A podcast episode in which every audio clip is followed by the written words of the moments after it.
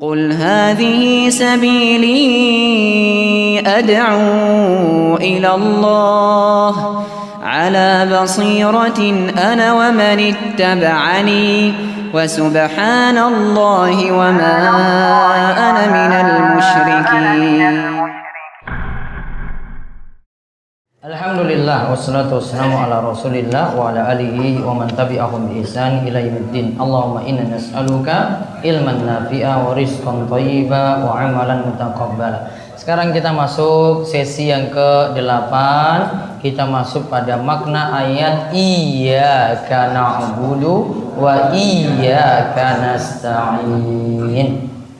Hanya kepada mula ya Allah kami beribadah dan hanya kepada mula ya Allah kami mohon pertolongan. Nah khusuka bil ibadah wa doa wal isti'anah wahdak. Kami khususkan ibadah dan doa dan meminta pertolongan kepadamu semata ya Allah. Sekarang kita baca maknanya dulu. Mana ayat ini ialah kami menghadap kepadamu semata-mata dalam beribadah, berdoa, dan meminta pertolongan. Nah, maknanya lihat. Menghadap kepada Allah semata-mata dalam beribadah, berdoa dan minta pertolongan. Eh, Garis bawahi kalimat beribadah, berdoa dan meminta pertolongan. Berarti ibadahnya hanya untuk Allah, doanya hanya untuk Allah, minta pertolongannya juga hanya untuk Allah. Isti'anah disebut di sini. Sekarang lihat satu para pakar bahasa Arab Para pakar bahasa Arab mengatakan bahwa didahulukannya ma- maf'ul bi objek iyyaka dari fi'il na'budu dan nasta'inu dimaksudkan agar ibadah dan permohonan permohonan pertolongan tersebut dikhususkan kepada Allah saja tidak kepada selainnya. Ya, ada bahasa Arab harusnya kalimatnya kalau mau dibuat sederhana jadi na'buduka. Na'buduka wa nasta'inuka. Na'buduka wa nasta'inuka. Namun kanya itu ditaruh di depan, ditambahkan dengan iya. Jadi kalimatnya menjadi iya karena na'budu wa iya nasta'in. Harusnya di belakang ditaruh di depan. Dalam istilah bahasa Arab mengandung makna hasr, pembatasan. Artinya hanya. Maka muncul kalimat hanya di situ. Hanya kepada mula kami beribadah, hanya kepada mula kami mohon pertolongan. Muncullah kalimat apa tadi? Hanya. Harusnya maful B itu di belakang. Namun maf'ul lebihnya, objeknya itu jadinya di depan. Karena berubah posisi taruh di depan, maka menunjukkan makna hasr. Hasr itu pembatasan yang kita artikan dengan hanya.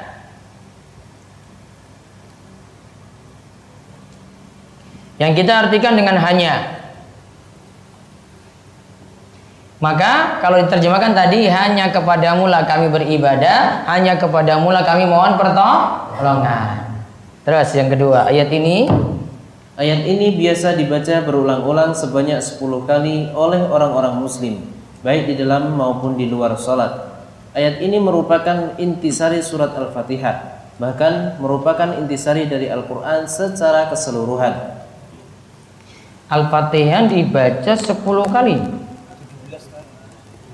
Ayat ini biasa dibaca berulang-ulang sebanyak 10 kali oleh orang-orang muslim, baik di dalam maupun di luar sholat. Bentar. Apa maksudnya 10 kali?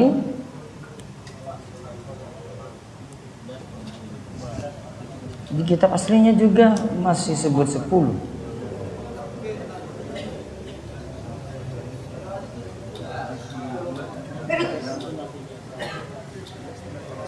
Puluhan, puluhan kali mungkin. Mas.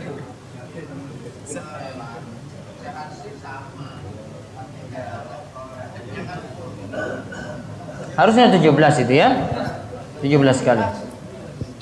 Dibaca 17 kali, ayat ini merupakan intisari surat Al-Fatihah. Nah, maka di garis bawahi ayat iyyaka na'budu wa iyyaka nasta'in itu intisari surat Al-Fatihah. Bahkan intisari dari Al-Quran secara keseluruhan. Makanya Al-Fatihah disebut Ummul Quran. Induknya Al-Quran. Induknya lagi, ya ini pada ayat Iyyaka na'budu wa iyyaka nasta'in.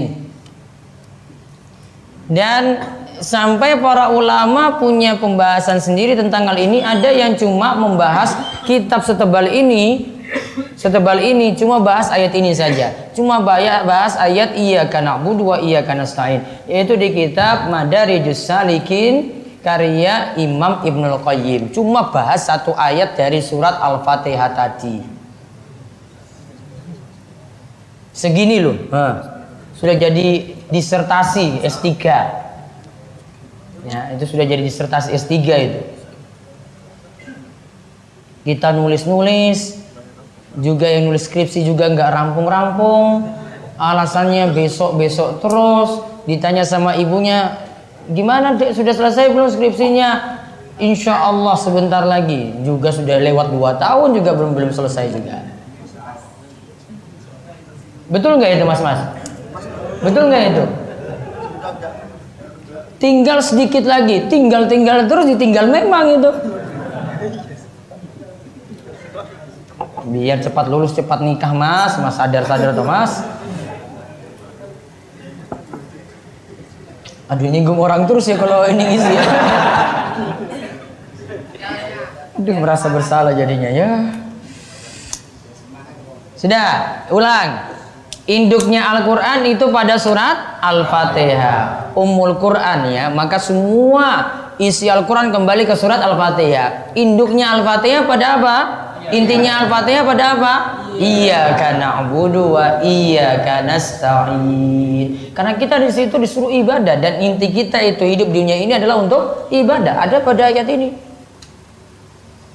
Berarti kalau dibandingkan dengan surat Yasin lebih utama mana berarti? Al-Fatihah. Induknya Al-Quran loh itu. Induknya lagi mana? Intinya iya karena abudu wa iya karena stain. Namun bukan berarti setiap apa-apa ya Al-Fatihah. Enggak. Al dibaca pas kapan itu? Ya Mbah Rois. Hah? Pas? Iya pas kalimat pas kapan itu? Al-Fatihah gitu.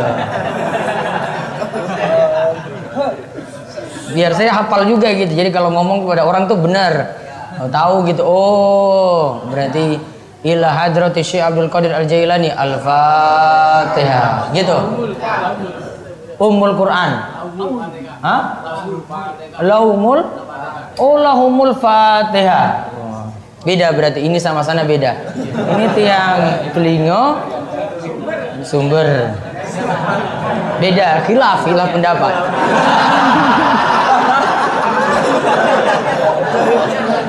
Beda lagi. Kalau ajarannya itu satu dari Nabi, itu harus satu itu. Kok ini beda, ini beda itu kan? Sholat kita sama kan? Sama kan? Nah, tahu ajaran itu benar, itu orang mana pun ibadahnya sama loh itu.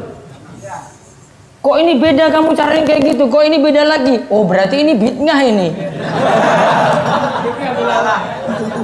iya, karena bid'ah itu nggak punya standar, pakai perasaan.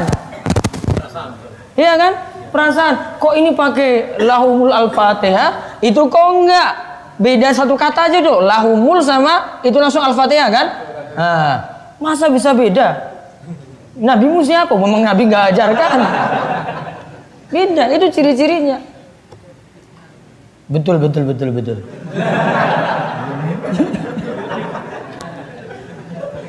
Orang di balik ini benar loh sesok. Terus nomor tiga. Ibadah Ibadah yang dimaksud di dalam ayat ini adalah ibadah dalam arti yang luas, termasuk di dalamnya di dalamnya salat, nazar, menyembelih hewan kurban dan terkecuali juga doa. Karena Rasulullah Shallallahu alaihi wasallam bersabda ad-du'a huwal ibadah. Doa adalah termasuk ibadah. Hadis ini diriwayatkan oleh At-Tirmidzi dan dia berkata hadis ini hasan sahih. Taib di selanjutnya lagi sebagaimana, Sebagaimana salat adalah ibadah yang tidak boleh ditujukan kepada seorang rasul atau wali, maka doa pun demikian pula harus ditujukan kepada Allah semata. Allah berfirman, Allah berfirman, "Qul innama ad'u rabbi wa la usyriku bihi ahada." Katakanlah sesungguhnya aku hanya menyembah Tuhanku dan aku tidak mempersekutukan sesuatu pun dengannya. Al-Jin ayat 20. Taib lihat Kul inna ma'ad'u rabbi wa la usyriku bihi ahada Sesungguhnya aku itu hanyalah berdoa kepada Robku, menyembah Robku saja dan aku tidak menyekutukannya dengan sesuatu apa pun. Cuma menyembah Allah semata saja. Juga tadi ad-du'a ibadah. Doa itu adalah ibadah. Tadi diterangkan di sini Ibadah yang dimaksudkan dalam ayat tadi iya karena budu yang dimaksud adalah sholat, nazar, menyembelih hewan kurban, tak terkecuali juga doa. Semuanya masuk dalam kalimat ad-du'a wal ibadah. Terkecuali juga doa. Doa ini dalilnya ini. Ad-du'a wal ibadah. Doa itu adalah ibadah. Berarti sebagaimana tadi sholat untuk Allah, doa juga harus tujukan kepada Allah. Sholat kita itu niatannya lillah. Maka harusnya doa juga lillah kepada Allah saja. Tidak boleh minta kepada orang-orang soleh yang telah meninggal dunia. Dikatakan sholat adalah ibadah yang tidak boleh ditujukan kepada Rasul atau wali. Doa pun demikian. Ya, Wong kalau orang baca niat saja gimana baca niat itu? Walaupun salah coba baca niatnya coba. Niat sholat Usolli fardo. Asara. Ini ngasari ini. Usolli fardo subuhi. ini. Hah? Imaman. Misalnya jadi imam, imaman. Terus mustaqbilal kiblati. Iya toh? Adaan lillahi ta'ala ada lillahi ta'alanya nggak di situ? Ada. Berarti sholatnya untuk Allah. Walaupun masalah lafaz niat nantilah sendiri. Namun niat saja dia untuk Allah loh coba lihat. Niat sholat saja untuk Allah. Puasa juga kan? Nawaitu soma kodin an ada ifardu syahri. Terus Ramadan apa Ramadhani? Kurang ngerti bahasa Arab tenan iki. Ramadana Nawaitu sama ngadin an ada ifardul syari Ramadan hadisan nanti lillahi ta'ala. Semua pakai lillahi ta'ala terakhir loh. Walaupun kita nggak pakai lapas niat tadi. Ya kan? Nah. Kalau sholat untuk Allah lillahi ta'ala, puasa juga lillahi ta'ala, doa juga demikian. Untuk Allah saja. Nggak boleh doanya pada penghuni kubur itu, nggak boleh. Tujukan mintanya kepada itu nggak boleh. Mau keadaan apa pun nggak boleh. Susah bagaimanapun nggak boleh. Wah itu kemarin itu ada tetangga saya pergi ke kubur itu doanya langsung terkabul. Gimana coba? Itu apa itu? Istidrot jebakan yang sengaja Allah beri biar tambah sesat. Ketika dia sesat, dibuat tambah sesat. Fala mazagu azagallahu qulubahum. Ketika dia sesat, Allah membuat dia tambah sesat. Maka doa hanya untuk Allah. Sebagaimana sholat dan puasa tadi hanya untuk Allah. Terus, yang keempat. Rasulullah Shallallahu Alaihi Wasallam bersabda, doa yang dibaca oleh Nabi Dinun atau Yunus ketika berada di dalam perut ikan adalah La ilaha illa anta subhanaka inni kuntu minal zalimin. Tidaklah sekali-kali seorang muslim membaca doa tersebut untuk meminta sesuatu melainkan Allah akan mengabulkannya. Lihat kalimatnya, ya. Lam yad'u biha rajulun muslimun fi syai'in qatun illa stajaballahu lahu. Tidaklah seorang muslim berdoa pakai doa ini jadi mukaddimah dulu. Ini pakai doa ini jadi dima. Dia baca La ilaha illa anta subhanaka inni kuntu minadh zalimin. Tidak ada yang berhak disembah selain Engkau ya Allah. Maha suci Engkau. Sesungguhnya aku termasuk orang-orang yang zalim. Dia akui kezoliman dirinya sendiri. Berarti itu bentuk tunduk dia kepada Allah. Lalu masuk dalam isi doa. Dikatakan apa? Melainkan doanya akan diijabahi. Berarti pengantarnya pakai La ilaha illa anta subhanaka inni kuntu minadh zalimin. Dan itu masuk aja adab dalam berdoa. Ada pengantarnya dulu. Langsung jangan jangan langsung minta. Ketika datang pada pada orang meminta sesuatu, itu puji-puji dulu. Iya kan? Datang ke Pak RT misalnya atau Pak Lurah lah, Pak Lurah, engkau itu baik sekali, masya Allah kebaikanmu itu luar biasa. Telah memberikan jasa baik kepada rakyat yang ada di desa ini. Ujung-ujungnya minta. Tadi kan sudah dipuji, kan naik dulu, naik, naik, naik, naik, naik. Ah, baru minta. Wih, senang sekali itu. Dibandingkan langsung datang, Pak, buahku itu dibantu, diberikan pertolongan, gimana aja, Pak? Mana yang lebih enak? puji dulu, sogok dulu ya kan. Ada dulu kasih apa dulu?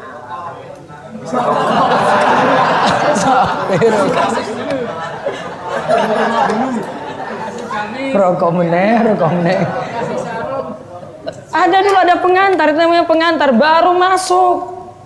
Ini aja kita perlakukan dengan sesama kita coba. Enak kan? Nah, maka ketika masuk minta pada Allah ada pengantar dulu. La ilaha illa anta subhanaka inni kuntu minal zalimin. Lalu masuk dalam isi doa. Ya Allah, saya ini banyak zolim. Mungkin ini karena ini saya sulit dapat jodoh ya Allah. Percepatkanlah jodoh saya ya Allah. Besok langsung dapat jodoh itu bisa. Ya, mungkin dia berdua sekarang ini langsung pulang daurah dapat itu. Iya. Masya Allah. Apa? Daftar dulu.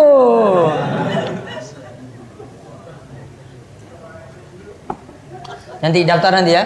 Ada oh nanti panitia saya suruh nanti itu.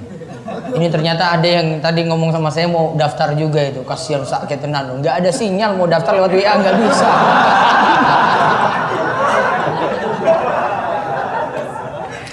Susah tinggal di desa itu. Cari jodoh saja terhalang sinyal. Aduh. Wah, cintaku terhalang oleh sinyal ya Allah, luar biasa. Nasib, nasib. Ya nanti dibantu lah. Saya bilang gitu ya. Kasihan ini. Nanti tambah galau dia. Ya, baca itu tadi la ilaha illa anta subhanaka inni kuntu minal zalimin. Lalu masuk dalam isi doa muqaddimah kita muji Allah, solawat pada Nabi, pakai pengantar, la ilaha illa anta, subhanaka inni kuntu minat zalimin. Mau pakai lagi pengantar lagi, asmaul husna, ya hayyu ya qayyum bi rahmatika astaghis wa aslih li sya'ni kullahu wa la takilni ila nafsi tarfata ainin abadan. Pengantar lagi. Nah, selesai sesi ke-8. Kita tutup dulu. Subhanakallahumma bihamdika asyhadu an la ilaha anta astaghfiruka wa atubu. Assalamualaikum warahmatullahi wabarakatuh.